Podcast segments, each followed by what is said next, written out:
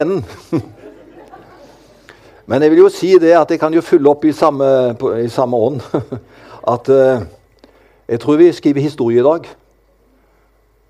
Det er første gangen jeg tror at en som har uh, lyden, samtidig spiller bass. Det er fantastisk. Det er så kreativt. Her bruker vi folk til det meste. Og vi er som poteten. Vi kan brukes til flere ting. Så det er jo så kreativt at man trenger en lydmann, og så kan han jo samtidig også spille bass. Fantastisk. Jeg mener, Her klarer vi oss med få folk, altså. Nei, men Det er kjempefint at vi kan være kreative, og vi får det til. Det viktigste når vi kommer sammen, det er at vi tjener Gud. Vi ærer Han. Gudstjenesten handler ikke om oss i første omgang. Nå er det viktig at vi er her, ikke sant? og at vi skal trives, men det handler om at vi har gudstjeneste, tjener Gud og opphøye ham. Og det er vidunderlig å være med på det. Og så i dag, og noen dager som ligger bak oss nå, så har årets konfirmanter vært på tur til London. Og de er der fortsatt. De kommer hjem i dag. Og jeg har blitt kobla på den Facebook-gruppa deres. Og det ser ut som at de har hatt det veldig hyggelig. Og det vi er glad for, det er liksom en sånn en skikkelig avslutning på konfirmantundervisningsåret. Eh, selve høytidsdagen var jo den siste lørdagen i april. Og så eh, ble det litt, ja, litt lenger uti da, på denne turen som nå har vært fra sist torsdag og til i dag.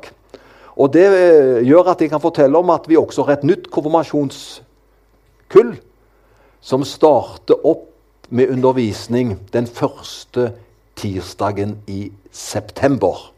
Men det er en orienteringsmøte i juni. Det er det informasjon om for foreldre, de som skal gå og lese. Og jeg får noen meldinger for post alfakrøll misjonskirken stavanger.no. Den kommer til meg. Og Det gjør at jeg blir veldig godt informert. Og jeg ser det er noen rett og slett som spør om det er undervisning for konfirmanter, om det går an å bli med. Og det syns vi er hyggelig. For vi vil ha flest mulig med oss, så det blir et godt miljø. Og dette er også et godt ungdomsarbeid, som er med å bygge gode holdninger og verdier i de unges liv. Så hermed så har jeg også sagt litt om, om konfirmasjonsarbeidet, og det også anbefales når det gjelder neste år. Og så takker vi for alle disse ungdommene som vi har iblant oss. Jeg håper at ungdommene er på For det jeg skal tale om i dag, det er at eh, vi er på Jesu bønneliste. Det må jo være fantastisk å være på Jesu bønneliste, og det er vi. Og så håper jeg at på vår bønneliste så er også konfirmantene og de unge. For det er så viktig at vi husker disse i bønn. Max han leste det som er prekenteksten min. Den er fra Johannes 17, 6-11. Så den skal ikke jeg lese en gang til. Den ble lest til innledning. Og jeg skal tale ut ifra den teksten. Eh, til du som er ny her, eller som ikke har vært der så ofte, så bare sier jeg at det, dette halvåret det kan bli at det blir mer enn et halvt år. Men så langt dette halvåret så har jeg talt over søndagens tekst, slik som det ble lagt opp i, gjennom uh, bibelleseplan og slik som det tales i Den norske kirke, og mange som velger den tekstrekka. Så den er jeg på nå. Og teksten for i dag det er altså Johannes 17, og så er det vers 6-11. Da er vi med i et stort fellesskap også når det gjelder forkynnelse, ved at vi er inn på den lista som mange, mange taler om akkurat denne søndagen. Og hvis vi er på timing med Den norske kirke, så tror jeg at eh, de begynner også talen sin nå. ikke sant? De begynner ofte litt tidligere enn oss. For de har, de har klart det ikke, ikke, sant, på en times opplegg. de, og, og, nå begynner jeg, ikke sant, samtidig med mange prester, å gå på talerstolen akkurat nå. Nå er presten i Misjonskirka på talerstolen her. Og så deler vi ordet slik som det ble gjort med mange, mange i dette vidunderlige landet som vi har. Overskriften er at vi er på Jesu bønneliste. Men dette med Gud Gud han har jo mange navn. Og Det kommer opp et bilde her, som du ser. Gud er ett av navnene. Men jeg skal si Hvis en sjekker litt, så finnes det veldig mange navn og uttrykk og beskrivelser på vår Gud. Og det er nesten som sier 'kjært barn har mange navn'. Det kan virkelig sies om Gud. Han har uendelig mange vidunderlige navn fordi navnene med å beskrive sider av Gud. Og Jeg skal ikke komme inn på det i formiddag, men navnene med å fortelle om personen. Og det viser sider av Gud. Og her i teksten som vi leste om, så sier Jesus at 'jeg har vist dem ditt navn'. Det sier han i sin bønn om disiplene. At Jesus han har åpenbart, han har vist Guds navn, hvem han er for disiplene. Men på Jesu tid, og før Jesu tid, så var Guds navn så hellig at ingen kunne uttale det. Tenk på det. Ingen fikk lov å uttale navnet på Gud, for Gud var så heldig. Vanlige folk skulle ikke vite hva hans navn var. Det var kun øverstepresten én gang i året, da han gikk inn i det aller helligste på soningsdagen. Da kunne han uttale Guds navn. Tenk på det, du. Én gang i året av én person, ypperstepresten, som gikk inn i det aller helligste. Han kunne uttale Guds navn. Men ellers så var ingen i stand til, kvalifisert, god nok, eller hva du skal si, til å uttale hans navn. Og navnet det besto av fire bokstaver. I, H, W, H. Og for oss sier jo ikke det noe. Men det var disse fire bokstavene som på en måte sto som et navn og et bilde på Guds navn. I-H-W-H. Og etter hvert så ble det til Jave. Men det begynte med disse fire bokstavene som skulle illustrere og fortelle om Guds navn. Og så ble det til Jave, og så kom de ulike navnene etter hvert som beskriver vår himmelske Far. Men Jesus, han viste hvem Gud er. Og Jesus viste oss Guds sanne vesen. For jeg har bare lyst til å si navn og vesen. Navn og personlighet. Det hører egentlig sammen. Derfor er navnet så viktig, for navnet forteller om personen. Og derfor viste Jesus først og fremst oss hvem Gud er. Og Jesus viste oss Guds sanne vesen. Gud han blir jo av mange omtalt. Og nå tenker jeg i vår tid. Så blir Gud av mange omtalt f.eks. som en kraft. Gud må jo være den største og sterkeste kraften i universet. Han blir hos noen omtalt som en kraft. Hos andre så kan Gud bli omtalt som en ånd som gjennomsyrer alt. Og så vet vi, det er blitt slik i enkelte miljøer i dag, at han også blir omtalt som en bestefars Gud. Altså en snill og en mild Gud. Ikke sant? Altså, Det er også et bilde som vi har i dag. Hvem vil ikke ha en snill Gud?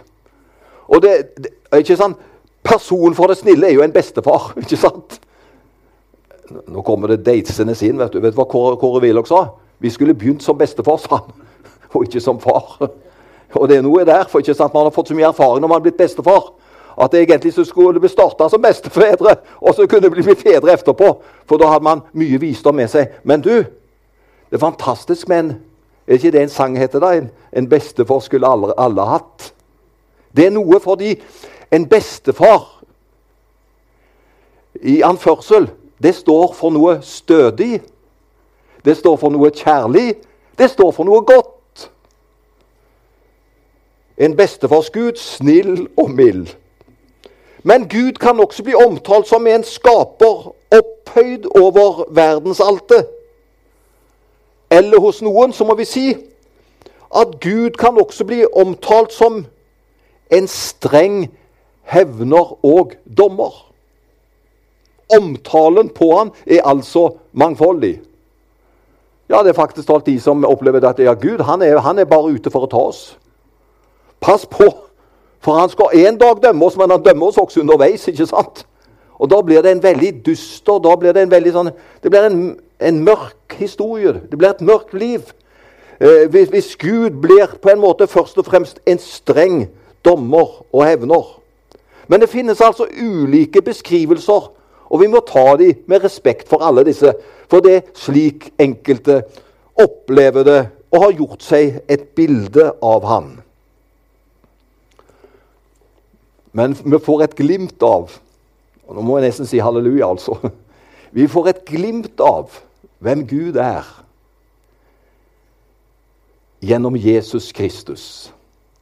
Og nå skal vi få opp Johannes 1, 17-18. Og så kan du lese med meg der. Altså, Du trenger ikke lese høyt, men du kan lese inni deg når jeg leser høyt. For loven ble gitt ved Moses. Nåden og sannheten kom ved Jesus Kristus. Hør nå. Ingen har noen gang sett Gud. Men den enbårne som er Gud, og som er i fars favn, han har vist oss hvem han er. Så du det at eh, Så du hva Moses kom med? Det var i verset før. ikke sant? Moses kom med loven. Tenk om Jesus hadde kommet med loven. Ja, Da hadde det blitt alvorlig for oss. Men Moses, heldigvis, heldigvis det var bare Moses. Men Moses hadde, loven mener jeg, hadde sin betydning. Og den regulerte, Det var jo det som regulerte samfunnet på denne tiden. Den var så viktig. Men tenk om det var det som skulle vært evangeliet for oss. Loven. Derfor står det loven ble gitt med Moses. Men nåden og sannheten kom med Jesus Kristus. Så nåden og sannheten, det er jo det som er evangeliet, ikke sant? Det kom ved Jesus Kristus. Og så har vi neste vers. Jeg fikk se noe hvem Gud er. Det er at, Tenk at man kan få se nye ting stadig vekk. Det er det som gjør at Bibelen er en levende bok. Vet du hva jeg fikk se nå når jeg leste dette for et par-tre dager siden og forberedte meg? Ser dere det står hvor, hvor, hvor er Jesus nå? Han er i fars favn. Ser du det? Fars favn.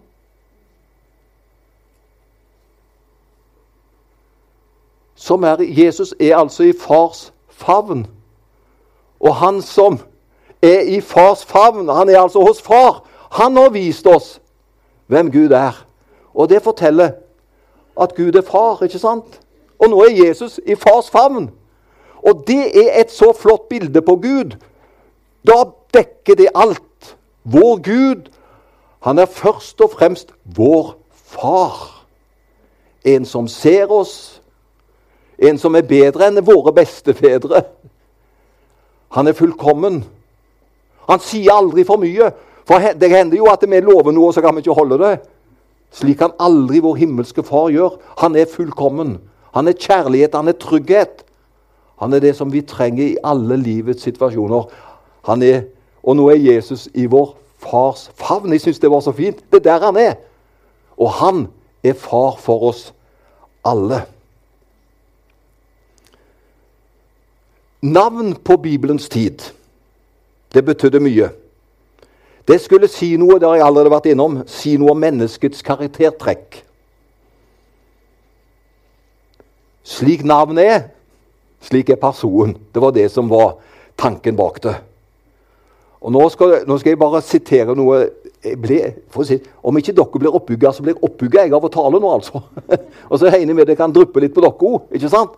At det kan gi en oppbyggelse og en glede til oss alle. Men nå skal du høre. Slik altså som navnet er, slik er personen.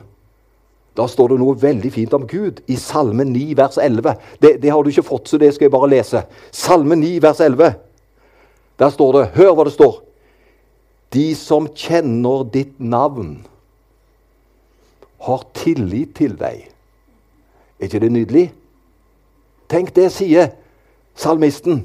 De som kjenner ditt navn, har tillit til deg. Kjenner vi ikke mer og mer av Gud, ikke sant? Det var altså Salme 9, vers 11. ikke sant?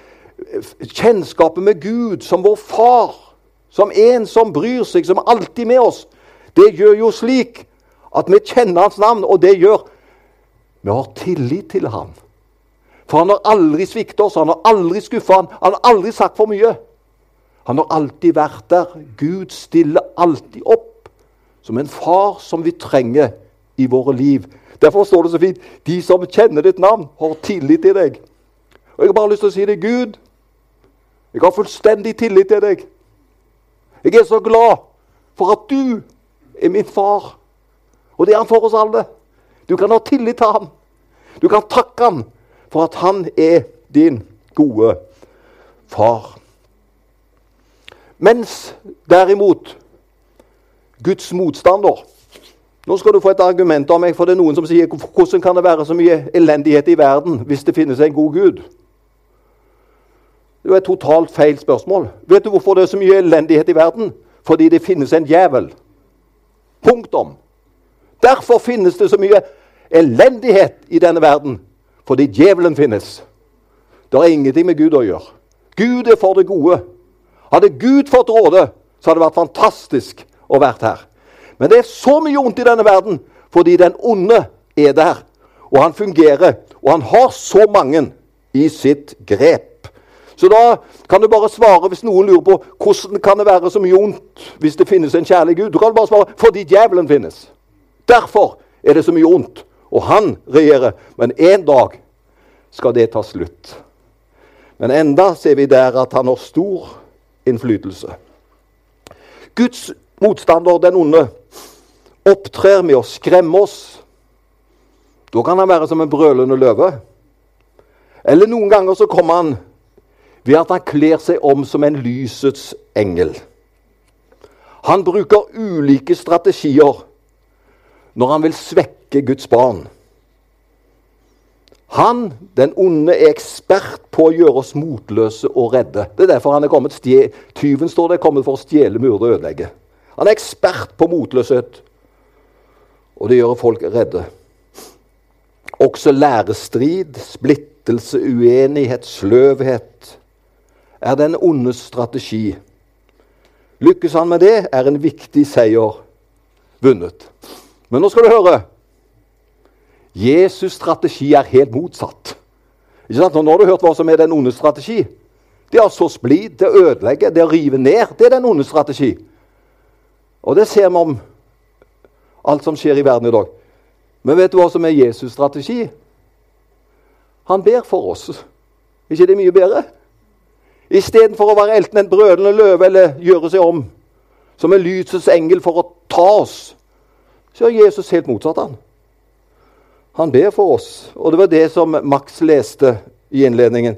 Jeg ber for dem, sier Jesus. Jeg ber ikke for verden, men for dem som du har gitt meg. For de er dine. Jeg er så glad for Det er det Jesus gjør. Han ber for oss. Han kjefter ikke på oss. Han er ikke ute for å ta oss, sette oss på plass. Nei, han ber for oss. Er ikke det bra? Og så finnes det noen her på jorda som vi sier bønnekjemper. De er aktive i bønn for Guds sak. Og noen ganger så kan vi mennesker si Tenk om bare han eller hun kunne be for meg. Det er en trygghet å vite at vi står sammen på menneskers bønneliste. Det syns jeg er fint. Og jeg håper du har dine navn på din bønneliste. Det er så viktig at vi løfter opp hverandre i bønn. Om Guds beskyttelse, og vi ber om Guds løfter i bønn. Og så ber vi for hverandre i Jesu navn. Så det er fantastisk å være på menneskers bønneliste. Og at det er noen som ber for oss. Og så er det noen som vi nesten sier at de er noen sånne bønnekjemper. Og vi har noen sånne. De takker vi Gud for. Men selv om vi har mennesker på ei bønneliste, så må vi vel være så ærlige at vi kan glemme noen ganger. Det er ikke alltid vi følger opp. Fordi det kan være andre ting som tar der og da vår oppmerksomhet. Og så har vi liksom satt det til side, og så tror vi vi skal komme tilbake til det. Men så glapp det, ikke sant? Våre bønnelister er jo ikke fullkomne. Vi ber når vi husker, og vi tar oss for det i bønn. Men det er én som aldri glemmer oss. Det er bra å være på han og hennes bønneliste. Og hvis du har meg på din bønneliste, så vil jeg takke Gud for det. Og jeg håper mange har meg og andre på sine bønnelister, for det er så viktig. Men enda større er det å vite at den store forbederen alltid vet hva vi trenger. Og han glemmer oss ikke. Vi er på Jesu bønneliste. Og Kan du huske det når du går hjem i dag? Han, han sa det at jeg er på Jesu bønneliste. Det gjelder for hver enkelt her. For vi kan jo glemme, men han glemmer oss aldri. Husk, du og jeg er på Jesu bønneliste. Og Nå skal vi lese bare et par skriftsteder som forteller at Jesus ber for oss, og det er på denne bønnelista vi er. Kan vi da først se hva som står i Hebreerne 7, vers 25? Bibelverset kom opp. Derfor kan han også fullt og helt frelse den som kommer til Gud ved ham. Tenk det står det som står nå, fordi han alltid lever og går i forbønn for dem. Jeg mener, Jesus skal jo aldri dø mer. ikke sant? Han vil alltid leve, han. Fordi han alltid lever. Og En av Jesu viktigste tjenesteoppgaver i dag det er at han går i forbønn for oss. Jeg er sikker på at du noen ganger har erfart Jo, nå må det visst være noen som ber for meg. Vi har hatt sånne bekreftelser eller sånne tanker. Det må være noen som ber for meg nå, for jeg merker jeg får hjelp. Jeg blir løftet opp. Det er fantastisk at noen kan be for oss. Men han, Jesus Kristus, han ber alltid for oss. Det er derfor han lever. Det er derfor Jesus fungerer i dag. For han alltid lever og går i forbønn for oss. Hvilken trøst han ber for oss fra himmelen. Hadde, hadde, hadde, skal vi bruke et lite bilde nå? Hvis du hadde vært i stua di nå, vet du, og så satt du i sofaen, og så plutselig satt Jesus på sida av deg i sofaen. Og så tar Jesus hånda rundt deg, og så sier han til deg Du, Kari, eller Anne, nå vil jeg be for deg. Og Så legger han hånda på oss, og så ber han ei bønn for dine behov, for din situasjon. Han er jo der, ikke sant, og legger hånda og ber. Det er like sterkt at han ber ifra himmelen. For Jesus er ikke avhengig av det fysiske som oss. Det er like sterkt og reelt og nært. Nå ber han bare for oss fra himmelen. Kan vi også få opp et skriftsted til Romerne 8, 34? Hvem kan da fordømme? Jo, vi opplever fordømmelse. Det Det er fra den onde, det, vet du, men det er ikke han vi snakker om i dag. Hvem kan da fordømme? Kristus Jesus er den som døde. Ja, mer enn det. Han sto opp. Det er jo det som er påskemorgen, ikke sant? Og så sitter han ved Guds høyre hånd. Jeg skal si, Det er majestetstillingen, ikke sant? Han sitter ved Guds høyre hånd. Og du må ikke glemme neste setning. Og han ber for oss. Er ikke det bra? Og du og du. Det er bra. Og han ber for oss. Med andre ord vi er på Jesu bønneliste. Nå skal jeg gå ned for eh, landing her, er det greit? Gi meg litt tid. Jeg skal komme ned. Men jeg skal gå ned mot landing her nå. Natta er mørkt og tungt mellom klokka ett og klokka fire om natta, synes jeg. Men litt efter klokka fire kommer avisbudet og forteller om en ny dag. Jeg hører avisbudet på utsiden av huset vårt. Bilen stopper. Postkassene klirrer da de åpnes og lukkes. Og jeg hører det når bilen kjører videre. Avisbudet er en gledesspreder. Bibelen sier at Jesus ber for oss. Han er i aksjon både dag og natt. I dag kan jeg være ditt avisbud, som forteller at han vil gi deg en ny dag. En dag full av nåde og godhet. Han ber for deg. Det er det mange andre også som gjør. Vi har mange forbedere i kirka vår. Heldige oss. Og så sier Jesus til slutt, når han ber i sin ypperste prestelige bønn Disse er i verden. Altså disiplene, de er jo i verden. Bevar dem, sier Jesus til slutt. Og vi må erkjenne det. Vi lever i en ond og forgjengelig verden. Jeg snakket med en, kan jeg få ta den inn?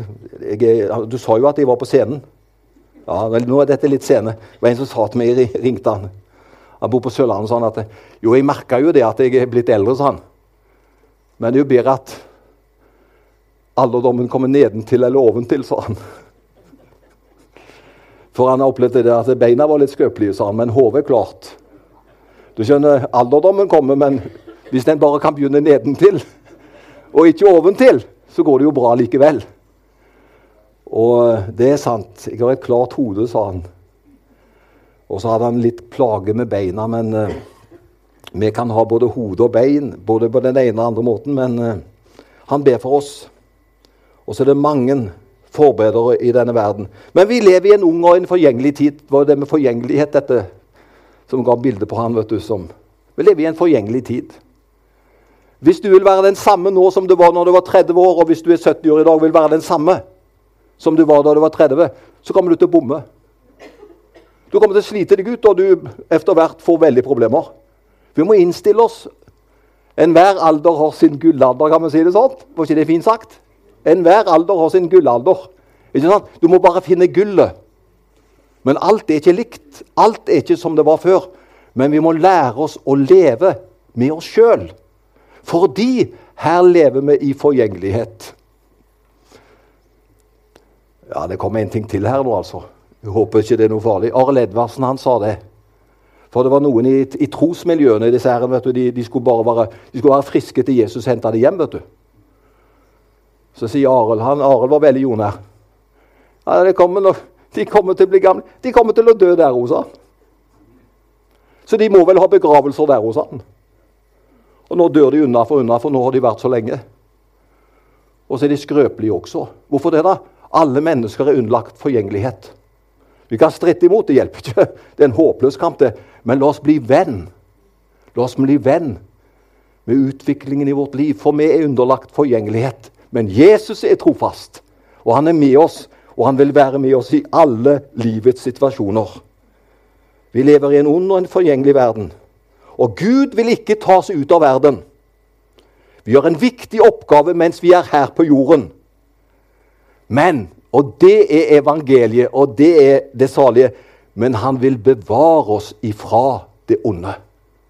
Det onde skal ikke få seire og ødelegge, men det er der. Og vi er en del av denne verden, men Jesus vil be for oss så vi blir bevart ifra det onde.